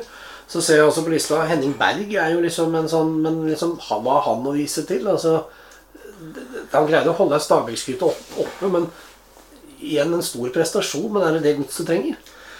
På, på den lista så står det mange trenere som har jobb. Henning Berg har jo en jobb. Altså Han er på utgående kontrakt visstnok i, i Stabæk, men han har jo allikevel den jobben nå. Så jeg et intervju senest nå for litt siden med Linseth Andersen. Han sier at det er ikke Altså Godset er villig til å hente en trener som allerede har en jobb. Så sånn virke, Han dro virka altså Det var jo tekstform, dette, så vanskelig å si hvordan han uttalte seg. Men Ehm, vi gikk ikke liksom sånn på at nei, det går vi for. Det var liksom, nei, Vi ønsker ikke å ødelegge for andre lag ved å gjøre det sånn, med mindre de har Så de gikk ikke til en sånn umiddelbar utkjøpsklausul på en trener. Og da er det sånn, ok, nei Da er det jo, hvis de Hvis det bare er trenere uten jobb som er aktuelle, så ryker det veldig mange navn på den lista. da Men Henning Berg i seg sjøl ja, Da får du et navn, da. Men uh, skal du gå til Stabæk, et av lagene Godset mest sannsynlig kommer til å kjempe mot Om å holde plassen. Om å holde plassen overleve her, så er hva skal det friste Henning Berg å forlate det han har drevet med der over litt tid nå for å starte helt på nytt i Drammen? Det er jeg ikke så sikker på. Nei, for hvis man, går, man, har jo også, man nevner jo her også en uh, Pål Arne Johansen, Paco, han som er eller, hovedtrener, som da Vibelund er assistenten. Som er assistenten ja, til da blir jo, da blir jo Vibelund værende, i hvert fall. Ja. Paco, eh, det syns jeg er et veldig interessant navn med tanke på framtida. Jeg er litt usikker på nå eh, om de om, Men har man, råd- men liksom, har man råd til å gamble nå? Altså Har man råd til å hente inn altså, jeg, Man snakker jo alltid om at ja, ja, men husk når Deila tok over, så, så var Ja, men da var jo Godset et helt annet lag. For da var jo Godset et lag som kjempa for å holde seg i divisjonen. Ja. Og det, arven etter Deila var et lag som lå og kjempa om de fire øverste plassene. Og det er jo to vesentlig forskjell både i spillestil, spillerstall, apparat rundt. Så klubben vokste jo i takt med Deila. Og da hente inn en, en trener på prøve, sånn som man har gjort med BP. da, for eksempel En umerittert en som ikke har noe å vise til heller. Man bomma jo på Skullerud, men det er klart det er den kanskje den første gangen Godset har henta Ja. en trener utenfra. Eller, altså, eller som Ja, ja. på en måte kom litt sånn David Nilsen var jo assistent, så jeg regner ikke med han som Nei, i den sant. kabalen, for han var allerede i, i klubben. Nei, altså sånn sett skal du si det Så den situasjonen godset er nå, så har de ikke råd. De har ikke råd til å bomme når de skal hente trener. De har ikke råd til å bomme når overgangsvinduet åpner. Det er jo kort fortalt sånn situasjonen er. For det er nå er kampen, cupkamp, så er det Ranheim, så er det tre ukers pause. Og i løpet av den første uka der, sånn, så bør vel egentlig en trenerkabal begynne å bli lagt i og med at man har et overgangsvindu. Og det er vel klart eh, Man bør vel kanskje vurdere å kvitte seg med noe daukjøtt, uten at vi nødvendigvis skal nevne noe til store favorittene til daukjøttliste. Men det er litt for mange på midtbanen, kan vi i hvert fall trygt si. Ja, Eh, men så- helt, I en helt ideell verden eh, så mener jo jeg Nå kommer ikke det til å skje, men i en ideell verden så mener jeg at den nye godsetreneren bør uh, sitte på tribunen mot Ranheim og bli presentert i Mixon etter den kampen. Og da har han uh, vedkommende tre uker på seg. Ja. Det er nesten en Ja, det er en uh, litt over en halv engelsk sesongoppkjøring Ja. på å sette et lag. Og det da får du litt tid. Jo mer dager og ikke minst uker som går av de tre ukene uten at det skjer noe, jo vanskeligere blir arbeidsforholdene for den nye treneren. Så må du begynne å avskrive de første kampene for en ny trener. Og da er vi liksom Det har vi heller ikke råd til å rote med. Og du har jo ser Ref Rosenborg også, som da måtte vente med Hordaland til langt ut i januar måned før han var klar. Ja. Han har jo ikke fått en drømmestart heller. Og det er klart, trøkket i Drammen er ikke like stort som i Trondheim, men allikevel skalerer man det ned, så er det jo fortsatt like viktig. Ja, ja, ja. Men så har man eh, en, en av mine personlige favoritter er jo Martin Sifuentes, Sandefjord-treneren. Hvis man liksom går på en av de som er etablert, da. Ja, mange vil eh, Jeg har hørt mange si at de vil ha han. Um, og det er tidligere godsespillere som skryter av uh, Sifuentes og hvordan han leder dette Sandefjord-laget. Skal ikke legge så mye i at alle, alles, eller en del som snakker om at ja, men hva han og vi så til Sandefjord gikk ned. Ja, men han tok over et Sandefjord i et helt håpløst eh, posisjon. De var jo, de var jo nede når han tok over. Han snudde jo egentlig. Han, Ja. de, han var ikke i nærheten av å holde dem oppe, men de begynte jo faktisk å vinne fotballkamper og var et ordentlig Ja. fotballag. Og nå ligger de vel på andreplass eh, bak eh, Ålesund i første divisjon. Så det er et spennende navn. Han virker som en type som godset trenger. Jeg tror godset trenger noen som setter litt krav og rydder opp litt her nå også. Men jeg tror en type Kjetil Rekdal her kan være Sifuentes er det samme. Er godt eh, Er glad i å holde ballen i laget. Litt sånn eh, type fotball som godset gjerne vil spille hjemme. Gått en sånn slags eh, Barca-skole, hadde jeg nær sagt. Ja. Og, og, og setter ganske strenge krav. Men han har en kontrakt i Sandefjord da, som vil vare ut 2021, er det det? Eh, I hvert fall 2020. Så han blir jo ikke gratis. Men er det mulig å lokke inn til Drammen? Det kan tenkes, fordi Jeg tror nok Sifuentes er klar over eh, hva slags klubb han er i i Sandefjord. Uten å forkleine seg der, så er Sandefjord et lag som, han, eh, som eh, er blant favorittene til å komme opp fra førstevisjonen nå. Og mest hvis du får den- vil også være favoritt å rykke ned igjen det året de rykker opp. Ja, og det er greia. ikke sant? Det maksimale som det føles ut som fotballveien ser ut nå, så er det maksimale du kan få ut av et eh, Sandefjord-lag, er en sånn 11.-12.-plass. Ja. Da har du liksom levert på det absolutt absolutt aller høyeste. Og så kan man si at det er Godset 6 er veldig mye bedre til øyeblikket, de heller. Nei, de gjør ikke det, men, men eh, potensialet er der til å være synes, så mye større enn det. Så hvis klarer de å selge en sånn type idé til Cifuentes, så, så kan jo han være en mann du klarer å lokke til Drammen. For det er vel også derfor en type Bohin bare går fra Sandefjord og tar en eliteserieklubb som da hadde levert det beste Sandefjord noensinne hadde levert. De hadde levert vel en tiende eller Ja, det er det vi snakker om. At ja, dette, er det, dette er det toppnivået. Jeg tipper at Bohin følte at nå har jeg tatt Dette er det maksimale jeg kan få ut av det. Og når du går, ja Det sier jo sitt når man går fra et eliteserielag for å ta over et førstevisjonslag. Og, og da mener jeg at han kan jo være en aktuell Ja, men, men å rykke ned kan jo koste mer enn det det koster å frigjøre Forventes. Helt klart. Det er kjempedyrt eh, å rykke ned. Og, og ikke minst Dette var også noe som snakket om at hvis man skulle, skulle man havne i det uføret at man går ned, da, så er det jo nesten sånn at du må satse det remmer og tøy holder på å komme deg opp igjen. For du får ett forsøk. Og går ikke det, så er det jo ikke sant, så må du, Da må du begynne å kvitte deg med spillere på høye lønninger. Da må, liksom, da må du bygge klubb helt på nytt. Og da begynner du å snakke litt sånn at ok, sesongen etter da, da ligger du på nedre halvdel i første divisjon. Hvis du er så heldig, på en måte. Så at ehm, ja, Du får det ene forsøket i første divisjon hvor, du kan- hvor du kan stå imot en sesong med en satsing tilsvarende eliteseriesatsing. Og kommer du ikke opp da Dette er jo liksom den store greien i England òg. Den uh, verdens dyreste fotballkamp. Ja, det er den der De får med seg Du får jo denne etterlønninga fra Premier League år. med ned. Og det er jo da de laga satser over evne, og det er, det jo enda trangere egentlig å komme seg opp. Så der, eh, det er jo sett mye storheter som forsvinner ned der, og det er jo Samtidig så har man jo også eh, hvis vi, vi skal ikke gå gjennom alle 35 navnene, for det har vi ikke tid til. Men for å gå litt kjapt over for å lage en topp tre-liste helt på slutten, så Hans Erik Ødegaard blir også nevnt av mange. Og mange nevnte jo også da eh, Hvis vi drar til eh, Noen har jo også sågar snakka om Vegard Hansen, og kanskje at det kanskje hadde vært på tide å hente hjem Kenneth Carlsen, Vegard Hansen. Ja. Det har i hvert fall vært nevnt i, i enkelte medier. Eh, men, eh, men Hans Erik Ødegaard var jo da den som var taktikeren. Mange mener at det var taktikeren bak, Hans, E- nei, bak Vegard Hansen eh, i den første gode perioden til Mjøndalen. Så Ja. forsvinner han til Spania. Så går jo egentlig resultatene litt ned. Det blir litt mer kick and run-fotball. Så henter man inn Leonardsen. Og nå går jo egentlig spillestilen til Mjøndalen i en litt Ja. mer eh, folkelig del, da. Ikke den eh, ja, Jeg skal ikke si at det er Vestfossen-fotball med lange innkast og lange harde baller lenger, for det er ikke lenger. Selv om man henter en Ocean som i utgangspunktet er en target-spiss. Ja, ja. Det, er, det er en Jan Koller in disguise. Altså, det, det er jo, det er jo, det er jo en, det er jo en, en, en radbrekkerspiss, selv om man nærmer seg 40.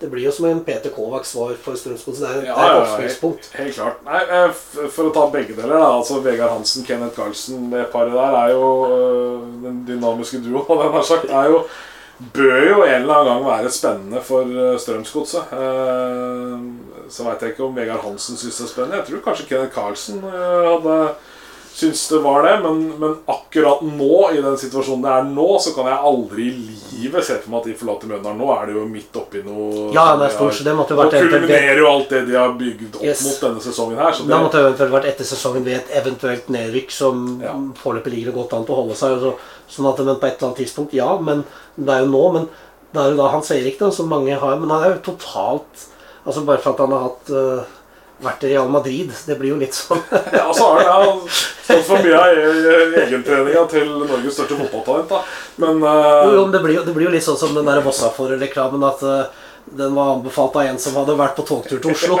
Altså, altså ja da. øh, ja, så er det sånn Hva, hva er det han, eh, han hjelper til på G16 i godset? Så det er klart det er et hopp opp til å bli hovedtrener. Også. Han er, driver jo en svær som det står i Drammens han driver jo en familiebedrift. da Men for, bare for å spole litt tilbake, så må jeg også si Hvis man går over de siste ukene under BP også, så virka det som at eh, man så hvem BP hadde fjerna i støtteapparatet fra forrige periode, så var jo en del av disse her sterke mennene. Ja, så nå ble det jo sagt at den, før denne sesongen her starta, så ble det liksom sagt at nå også står på denne lista, da, blant annet, som da kanskje var den naturlige treneren under Skuldre. da. Ja. Skuldre var den managerrollen. Foyten ut. Eh, Strauss ut. Altså alle disse som Thomas André Ødegaard søkte vel en jobb, eh, hørte jeg en rykter om, men ikke fikk den. Eh, For i år ble det jo sagt at nå har, nå har han det Nå har han det støtteapparatet rundt seg som han ønsker.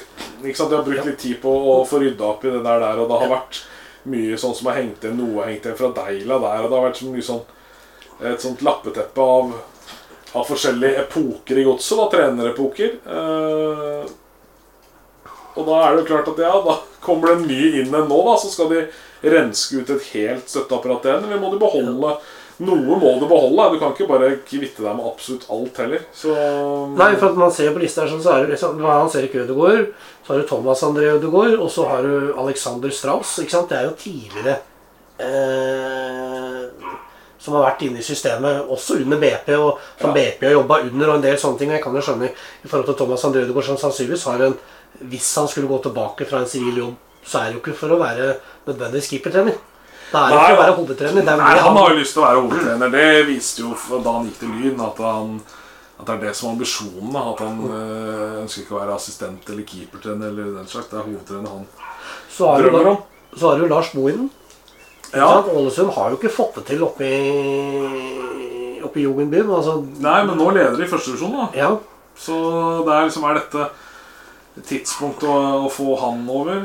Jeg skjønner. Der og har du, men der og igjen har du du snakker om det der med Sandefjord og Sifuentes, at han er klar over hva potensialet er der. Bohinen, altså Ålesund er jo en klubb som har et mye høyere potensial sånn sett enn Sandefjord. Ja. Og det er nok Bohin klar over. Det var derfor han gikk dit den gangen også. Og er det også der. så hvis han får dem opp, så, er liksom, så kan det jo gå Han ser nok for seg at det med tid og stund skal være et lag på øvre halvdel i, Jo, men i Eliteserien. for, for, for, altså, også under disse her oppturåra så var jo sammenlignet som med Ålesund altså man Fra kjempelikt kjempe likt med Ålesund til å tape litt annenhver kamp. Vi vant hjemme, tapte borte. Så slo vi Ålesund. Så Ja. var vi langt bedre enn Ålesund. ikke sant? Og da kom jo da medaljene kom jo da gullet. ikke sant? Ålesund var en sånn steady femte-sjetteplassering. Ja, ja, Og så ble vi bedre enn dem, og da, da ble det jo fjerde, femte, fjerde, tredje og fjerde plasser. da. absolutt. Så det er liksom eh, Så er det jo selvfølgelig den gamle ringreven, da, Tom Nordli. Ja, Kortsiktig løsning ut sesongen, uh, røske opp rota. Ja, da, da Hvis han er lysten på er det, trives hvis det er det man vil, så da Altså hvis det er det man vil, så vil jeg mye heller ha en Kjetil Rekdal i den rollen hvis han er villig til å gjøre det. Som jeg sier at eh, hvis, hvis de går for en kortsiktig løsning ut sesongen, så tenker jeg at Rekdal eh, må være førstevalget. Fordi jeg tror ikke godset går ned med han ved roret ut sesongen. Og så er jeg usikker på om han er med på det. Han vil sikkert ha en lengre kontrakt. Og da er jeg også usikker på hva skjer da når neste sesong starter. Det var da eh, røret starta i start Ja. da neste sesongen skulle, skulle begynne. Så Nei, jeg blir jeg, Altså, den lista til Drammens Tidende inneholder 5-36 navn. Ja, det er klart du skal tas på dette. Der er det kjempemange. Men jeg satt og tenkte på i stad at Jøss, så utrolig mange navn det er her. Men så står det jo faktisk i det intervjuet at de i, i godsleiren har jo en 20 navn eller noe på denne lista. Så Ja. det er jo ikke, er, de har jo voldsomt mye navn. Og så blir det jo slengt på et par. Ja, for eksempel, altså, man har jo Vitor Gasimba som trente andrelaget. Mange mente kanskje han burde ha fått muligheten istedenfor BP når, når dette skjedde. I og med at han tok faktisk da et Strømsgodset 2 som var nedrykkstrua i Norsk Tippeligaen, og plasserte dem faktisk på en femteplass. Ja, ja. Med unggutter og lite bruk av A-lagsspillere, hva han kunne ha fått til. Man har nevnt Louis Pimenta, Kongsvinger-treneren som var aktuell når Skullerud fikk jobben, men han ville ikke gå fra Sandefjord midt i sesongen. Han fikk jo spille cupfinale, så jeg skjønner at han Og han kjempa jo med et opprykk til Eliteserien. Å ikke gå fra en fullført jobb viser jo også litt av hva som bor i en fyr, tenker jeg. da Ja, absolutt. En som går midt i en sesong, kanskje eh, man har muligheten til noe opprykk, men velger heller å gå da. Det viser jo også at da vil den jo gå fra godset hvis det dukker opp et rett tilbud fra en annen klubb. Ja da, og så kan man lure på om. Pimenta var en Altså i Kongsvinger var en sånn one season wonder, egentlig. For at det Ja. var veldig bra den sesongen der. Så funka det jo ikke etterpå. og Og i Sverige, hvis jeg husker det som står i artikkelen er riktig, så var det vel noe Selv om man har slått voldsomt tilbake mot det, noe rasisme og anklager og litt eller sånt der, så Men han var jo bare én måned i den nye tsjekkiske klubben han var i før han liksom fikk fyken. Så det er jo det er som du sier, det er jo sikkert en omdiskutert fyr, men allikevel fotballfaglig sikkert veldig sterk. Men Ja. det er jo det å få det ut. Liksom, Kjell Noneder, Lars Smeder blir alltid nevnt. Men det er jo fordi at det er jo navn Fotball-Norge har jo for få trenere øh, nye. Ikke sant? Dag Vidar Kristoffersen blir jo så vidt nevnt, men det tror jeg er mer enn sånn man bare slenger på. for der, tror det var for å fylle opp lista. det, er, det er for å få 35. Vi har 34. Så Jonevre er jo Det er et, for så vidt det er et, ja, det er et navn, det, da. eh, som har åpna for å komme tilbake til norsk fotball. Er en mulighet. Jeg så jo at eh, Jan Jønsson er ledig på markedet. Ja, da, det, men en av de som jeg syns er litt spennende, er kanskje Brian Dean. Han Sarpsborg-treneren som var som han Som alle var veldig overraska over ikke fikk forlenga den gangen. I, Ja, han var nevnt, han var jo også nevnt i en godsediskusjon eh, i den perioden Deila forsvant. Altså Ja. i det momentet der sånn, men da valgte man å gå for eh, David Nilsen. Ja, jeg husker at jeg var veldig overraska at han ikke fikk forlenga i Sarpsborg. Så kan man si at de gjorde jo allikevel rett når man ser i ettertid hva Bakke har fått til der nede. Ja. Så er det vanskelig å, å klage på avgjørelsen de gjorde. Men Ja, ja. han uh, er vel en spennende person, han som vil ha jobb i Leeds. Uh, i øyeblikket. Ungdomsakademi der, jo. Ja, så Nei. øh, Jeg er utrolig spent på hva godset kommer til å Hva de gjør. For det var jo mange som også ønska selvfølgelig Kåre Ingebrigtsen, men han gikk jo da til en belgisk klubb. Jeg tror det hadde kanskje vært treneren eh, Hvis man hadde vært litt eh, Kanskje hadde vært drømme Hadde passa som hånd i hanske, da, for det er en 4-3-3-stil. Han kjenner, han kjenner kanskje ikke Godset, han har spilt der en sesong, men, men eh, da, Ja, det, det kunne kanskje vært rett fyr på rett plass. 14 dager tidligere eh, avgjørelse i godset, så hadde nok eh, Kåre Ingebrigtsen vært førstevalget i Drammen. Det, Ja. det føler jeg meg litt sånn trygg på. At han hadde gått etter det, Så sånn sett maks uflaks selvfølgelig at han gikk og skal fikk seg jobb i Ostende i, i Belgia. Så er jeg spent på hvem som står på denne shortlisten, som de populært kaller det. da Jeg er ganske trygg på at Kjetil Rekdal sitt navn samme hvor mye han sier at han ikke har blitt kontakta av godset, og han ikke sjøl har sagt at han er interessert i den Så jobben, så, liste. så står han på den lista, og det, han er såpass buddy med Jostein Flo at det gjør han. Navnet hans er på den lista. Om, om han sjøl mener han er aktuell, eller om han er aktuell, det får så være, men hans navn er et av dem der, den altså, Det er ikke alle som vil stå på disse telefonsalglistene, men du- navnet ditt står jo der. Ja. Står jo der allikevel. Så han er nok en aktuell uh, kandidat. Og så er det spennende med de andre. Altså, jeg kommer ikke helt unna det Det er en gambling altså med Paco, men um, Ja, men det er det, det, er det jeg mener. at Det er et spennende navn, men det er godt, altså, hadde dette vært for et år siden under BP, så hadde kanskje Paco vært mer riktig å ansette. ja. Fordi at da kunne man ta den sjansen. Men han har vel ikke råd til å bomme på ytterligere én trener? Nei, og så er det spørsmålet når kan vi få han eh, fri fra Norges Fotballforbund? Ja. Når vil eh, forbundet slippe han, på en måte? Eh, Smero er jo også Både Paco og Smero hadde snakka mye med dem når de var i Hønefoss. Eh, veldig hyggelige og, og, og joviale folk, det. Som jeg liksom kan se for meg i en rolle i, i Strømskog. Men Smerud har vel hatt eh, mer flyt og, fremstått som en bedre trener nå med U21-landslaget enn han gjorde. Han fikk aldri skikkelig dreis på det med HBK. Nei. Eh, og så er det jo en som jeg tenkte umiddelbart på, som vi ikke har nevnt. Da Eh, Da de begynte med dette 'Vi skal ha en godsemann'-uttalelsene, så er det jo veldig lett å tenke på en viss herremann med navn Dokken, da, som eh, Ken, ja, Kenneth Dokken Notodden. Ja. som har jobb i Notodden, som der har godset Han står på lista til Drammen Stine, riktignok. Ja, der har de eh, Godset har henta trener med hell fra Notodden tidligere. Um, ja. Så eh, Men er det også en pønt, en sjanse å ta? Liksom? Er han klar for nivået et uh, voldsomt steg opp som det blir? Eller For er han også en som skal eh, få noen år til å godgjøre seg på før han er aktuell? For du har, Når man ser på lista, så er det liksom, det er et veldig stort sprang her. Det er de som ligger på rundt 2-33 år. Og så er det de fra 51 oppover. Ja. Ikke sant? Og da, ikke sant? Der, under der så går jo da Hvis du trekker bort Christoffersen, så er det Mons Ivar Mjelde. Men det er klart, det er kanskje litt forbi. Altså, altså det, eh, Ikke sant? Men han blir jo da en Det jo Henriksen fra Danmark. Da, ukjent for oss i Norge, en sikkert kjent Ja, nedover. og så er det den eh, Eurosport hadde jo også en liste her. Men Petter Myhrus er jo også nevnt. Han er jo en av de yngre kandidatene. Han har vel ikke trent fotballag på ti år. Nei, og Petter, Petter Myhre er en mann jeg har sansen for. Men han, altså jeg ser jo Hvis du ser på Premier League og hvordan han storkoser seg i den jobben han har, så tror jeg det skal noe helt voldsomt enormt fra å lokke han tilbake. Da må eh, lysten hans til å trene fotballag For det, det er litt sånn være eller ikke være. Hvis han noensinne skal bli fotballtrener, så må han snart bli det igjen. ja, for det, det er lang tid å ikke være i gamet. For det bruker jo litt tid, og det er kanskje å ta over et, et lag som sliter. Da. For jeg må jo kunne innrømme at selv om man vinner over Tromsø, så er jo ikke godset friskmeldt. Man slår det dårligste, lag, altså, det dårligste laget i Eliteserien per nå. da Selv om mange ønsker at det er Rosenborg, så er det jo ikke det. Men, men, men det er jo Tromsø som på en måte Som er det dårligste laget nå. Absolutt. Så nei, jeg tror liksom ikke Hvis du skal lokke han tilbake, så er det ikke det rette eh, Rette jobben for den måte. Så var det noen svenske navn da, som også er nevnt på denne De er, ja, Jonevre blant annet, og Ja, Jonevre og Jønsson. Men det var han som nettopp hadde Hadde jobb i eh, MLS, men som i hvert fall eh, Ja, stemmer. Men han regna med ble for dyr. eh, Ja, eller at de ikke var eh, Altså mest sannsynlig ikke var interessert i å komme til Norge, rett og slett. ja, ja, det er jo det. det er jo, ja, Norge har ikke det beste ryktet. Labert nivå. Ja, nei, det er jo det er en litt risk å ta for en trener òg. Hvis du ikke gjør det godt, så eh, ender du opp i Skandinavia, da. Ja. Hvis du har eh, man, nevner jo Erland Johnsen. men Dette er jo Jeg ser mange av disse navnene på denne lista er jo også da selvfølgelig da U18, U19, U20-landslagstrenere. Og det er fortsatt juniortrenere man ser etter.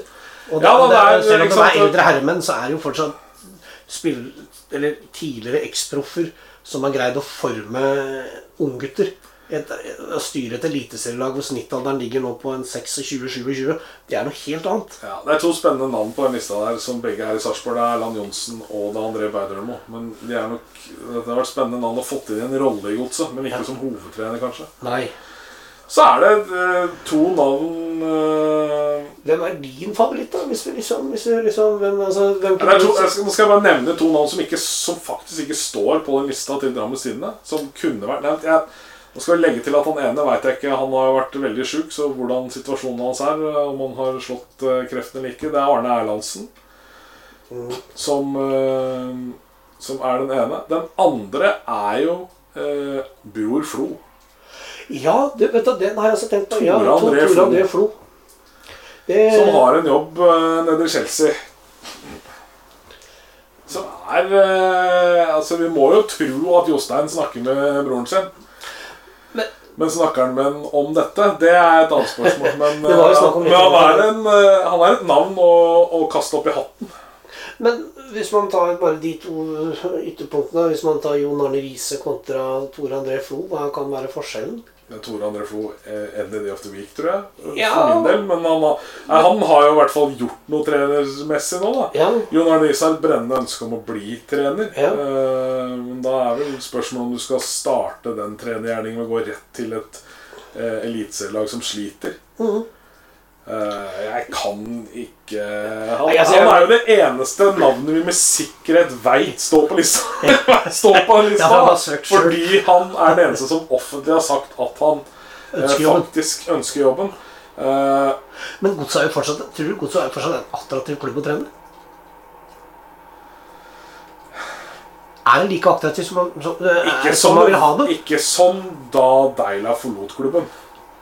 Det er det ikke. ikke Nei, for Det handler om nivå. også. ikke sant? Altså, det er like, altså, Hvis du ikke får de spillerne du vil ha, så får du ikke de trenerne du vil ha. Det henger litt, litt sammen, da. Men hvis det å trene et norsk eliteserielag ikke er attraktivt for den type trenere vi snakker om her, så må man jo nesten begynne å lure. Kan, altså alle alle trenere på eliteserienivå i hermetegn kan ikke drømme om å trene Altså Alle kan ikke trene Celtic og Nei, nei, men, men se Rosenborg, altså, med all respekt for Orland, umulig å ha vært førstevalget.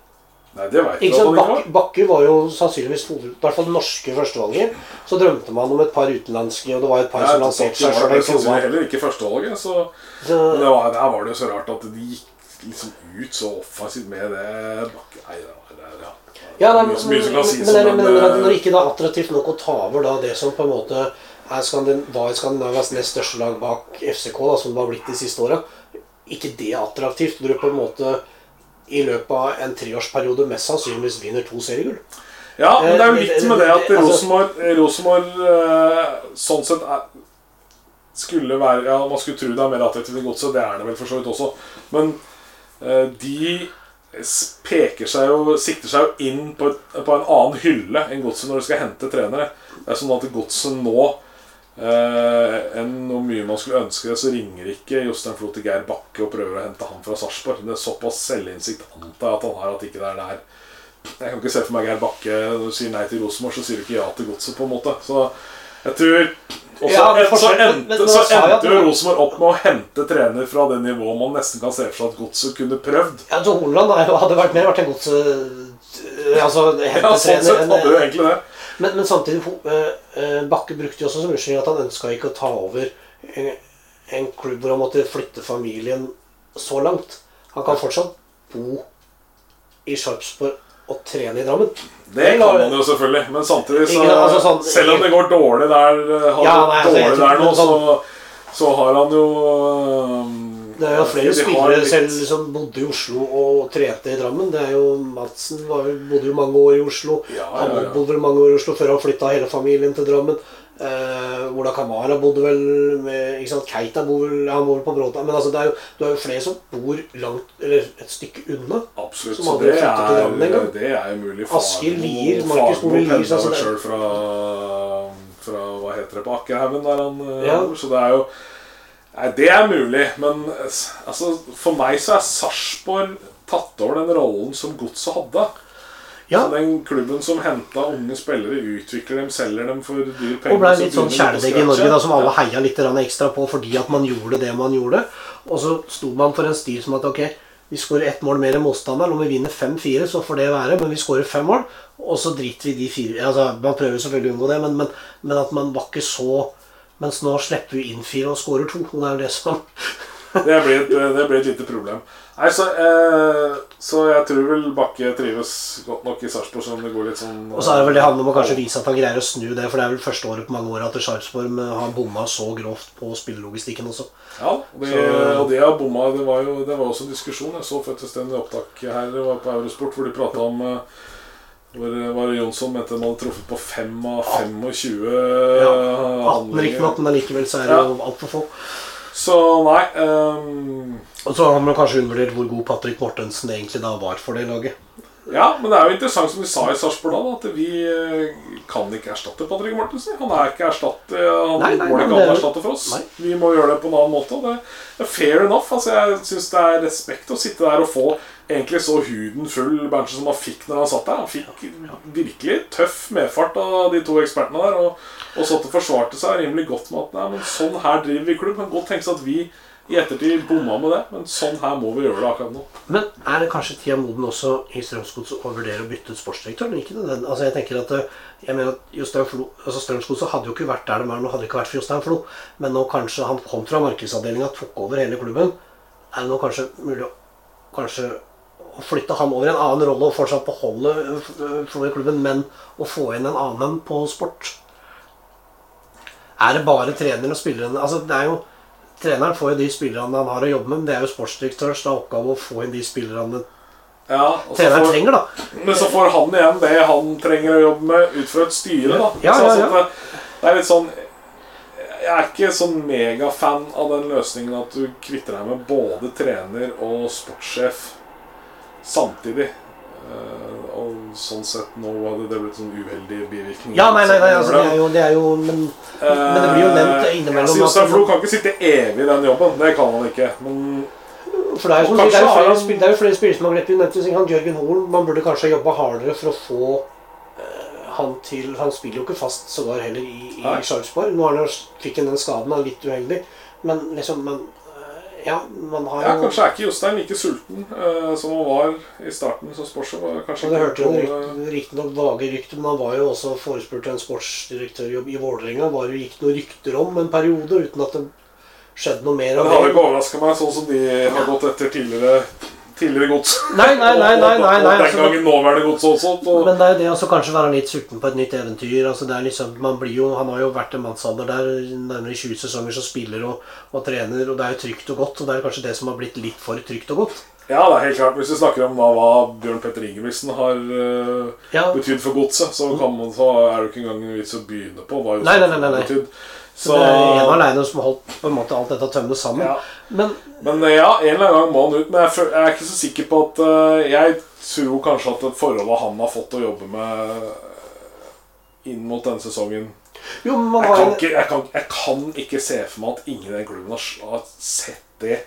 At det her mangler en stopper. Jeg får ikke det til å gå opp. da Og da, og da tror jeg jo at det de har fått å jobbe med, ikke kan ha vært godt nok. altså Men, Men- men så har man noe må ha vært um, tilgjengelig når de henter to midtbanespillere. Altså. Men så har man en investor da, som plutselig twitterer litt der at nå må ting skje nå. Det er jo aldri positivt. Nei, nei, nei. Altså liksom, For det er jo dem som på en måte Med det tilskuerantallet som er nå, så er det ikke det som betaler gildet. Det er jo ekstern hjelp til for å, for å få dette til å gå. Det er klart at. Når dem begynner å rasle litt med sablene, så er det ikke enighet. For det er jo det som på en måte man ser Jeg mangla i godsord, er det humøret. Det er det man ser da Hvis man ser litt til Mjøndalen, da, så eh, bare det med at Vegard Hansen ruller med rusten i Molde, tweeter om det, nachspiel-tweeten, hver som blir bløyta altså, altså eh, Man presenterer en spiller i et kostyme som eh, sportssjefen veit om, men ikke tre... Altså, det er litt glede rundt det, da. Ja, ja, Mens nå har, er, skal, jeg syns du skal skryte for den perioden etter at Bedford sa klubben har blitt mer åpen. Man har vært litt åpen om prosessen. For jeg synes under Skulerud-perioden så var, ble klubben veldig sånn hermetisk lokka. Ja, Eh, Mediamessig, da det var vanskelig Altså, man var veldig, veldig låst. Nå syns jeg det er i hvert fall litt åpenhet at man kanskje har eh, vist omverdenen at man faktisk må stikke fingeren i jorda og innrømme at han har et problem. Også da for at man tar litt skittentøysvask i offentlighet nå, da. Ikke bare eh, dette løser vi på kammerset. Ja, altså Det er to vidt forskjellige klubber, Strømskog og Mjøndalen. Sånn, hvis du skal snakke sånn fra arbeidsståsted som journalist, så er det to helt vidt forskjellige klubber å komme til. Det er veldig åpent på Mjøndalen. Du er der på, I sesongoppkjøringa på trening så kommer Vegard Hansen bort og tar deg i handa og takker for at du er der. og og er veldig fornøyd. Liksom sånn at å, du har møtt opp, og dette var jo utrolig hyggelig. Godset er litt mer sånn De har en egen medieavdeling. Det er nesten fremstår nesten som et eget mediehus til tider. Skal liksom De er veldig lokka. Det var, ble veldig sånn under Tor Ole Skullerud, hvor det ble helt sånn eh, lokka. Og så var det enklere under Bjørn Petter, som er litt mer åpen, som det går an å prate med. Går an å sende en tekstmelding til, og du får svar, og det er litt sånn Så det òg er jeg spent på nå når de skal hente noe nytt. Hvordan, eh, hvordan utvikler klubben seg sånn der, da. Men jeg tror eh, Hvis vi skal tilbake til det med Jostein Flo og, og sportssjef og, eh, og en ny trener Nå kommer det inn en ny trener. Eh, rett Forhåpentligvis får vedkommende de ukene, og det kommer et overgangsvindu hvor det forhåpentligvis er noen midler tilgjengelig, og noe kan gjøres. Og da tror jeg at de trenger Jostein Flo i den rollen han er. Eh, Og Tor Ole Skullerud sa jo for et par uker siden at han mente helt oppriktig talt at Jostein Flo er Norges beste sportssjef. Ja, nei, men det Eh, og, det, og det Han er ekspert i eurosporten og har ikke noen grunn til Nei, nei, han, liksom, i- han, han, kunne, han kunne ha kjørt en Ingebrigtsen og, og vært veldig forspådd. Så, altså, ja. Så, så det er ikke noen grunn til å tvile på det. Men det kan være litt Altså det er ikke, sikkert ikke mye som skal til. Slippe deg ned Altså Det er jo som å være toppidrettsutøver. Det er sikkert at du slipper deg litt ned på i, i forhandlinger eller på hva du følger med på, så, så glipper det plutselig en spiller, kanskje. Ja, og så er det jo litt sånn som man skal prøve å, å tjene ei krone her og tjene ei krone der, at man har spart seg litt til fant. da. Ja. For det er vel at man har ventet litt, prøver å se han litt, og så er det en annen som snapper den rett foran ansiktet på deg, istedenfor å close dealen med en gang istedenfor å vente. da, ikke sant? Og så, For gresset er ikke bestandig grønnere på den andre sida. Selv om man har kunstgress, så er det jo liksom Det er, Det er alltid grønt, da. så er det jo grønt, men liksom Men ja, nå skal vi runde her sånn, for vi har gått uh, way over time. Uh, men hvis du skal tippe Hvem er Strømskosets nye trener? Hvis du liksom, altså sånn Hvem er det som blir presentert da, som du sier i mix-zone øh, på Coop Extra, Coop Extra Arena? uh, dette er jo her her Ja, det- Dette er jo bare altså- å legge huet sitt på blokka med en gang og si liksom at det her kommer mest sannsynlig til å bomme. For Ja. jeg, jeg føler at jeg, uh, jeg føler at vi i media nå ikke henger med i den prosessen her. Jeg, jeg sitter med en sånn følelse at vi At på den, Det skal godt gjøres at ikke blant de navnene vi har nevnt, pluss en liste at navnet ikke står der et sted, med mindre jeg henter noe totalt ukjent nå. Men jeg må nesten gå med det jeg følte med en gang. Det største navnet som er tilgjengelig, er uh, Kjetil Rekdal. Um, og så var han så veldig bombastisk de første gangene på Eurosport og sa at det, han har ikke blitt spurt, og det var ikke aktuelt. Og det får meg jo enda mer til å tro på at det blir han. Og det er den rette veien å gå. Eh, Nei, nei, jeg det- står jo for at jeg det- tror det er det- ut sesongen. Det viktigste er den altså, om, Men jeg, eh, Den- nei, jeg sitter den- fortsatt med, med sitter den eh, feelingen av at eh, Ja, nei, jeg heller også litt at det er det som Han er ledig, han trenger dem ikke å kjøpe fri. Han er liksom Men igjen, da, hvor sulten er han på eventuelt ta over en klubb? Da må det eventuelt være mulighet for forlengelse. Det er vel det som på en måte det kanskje står på.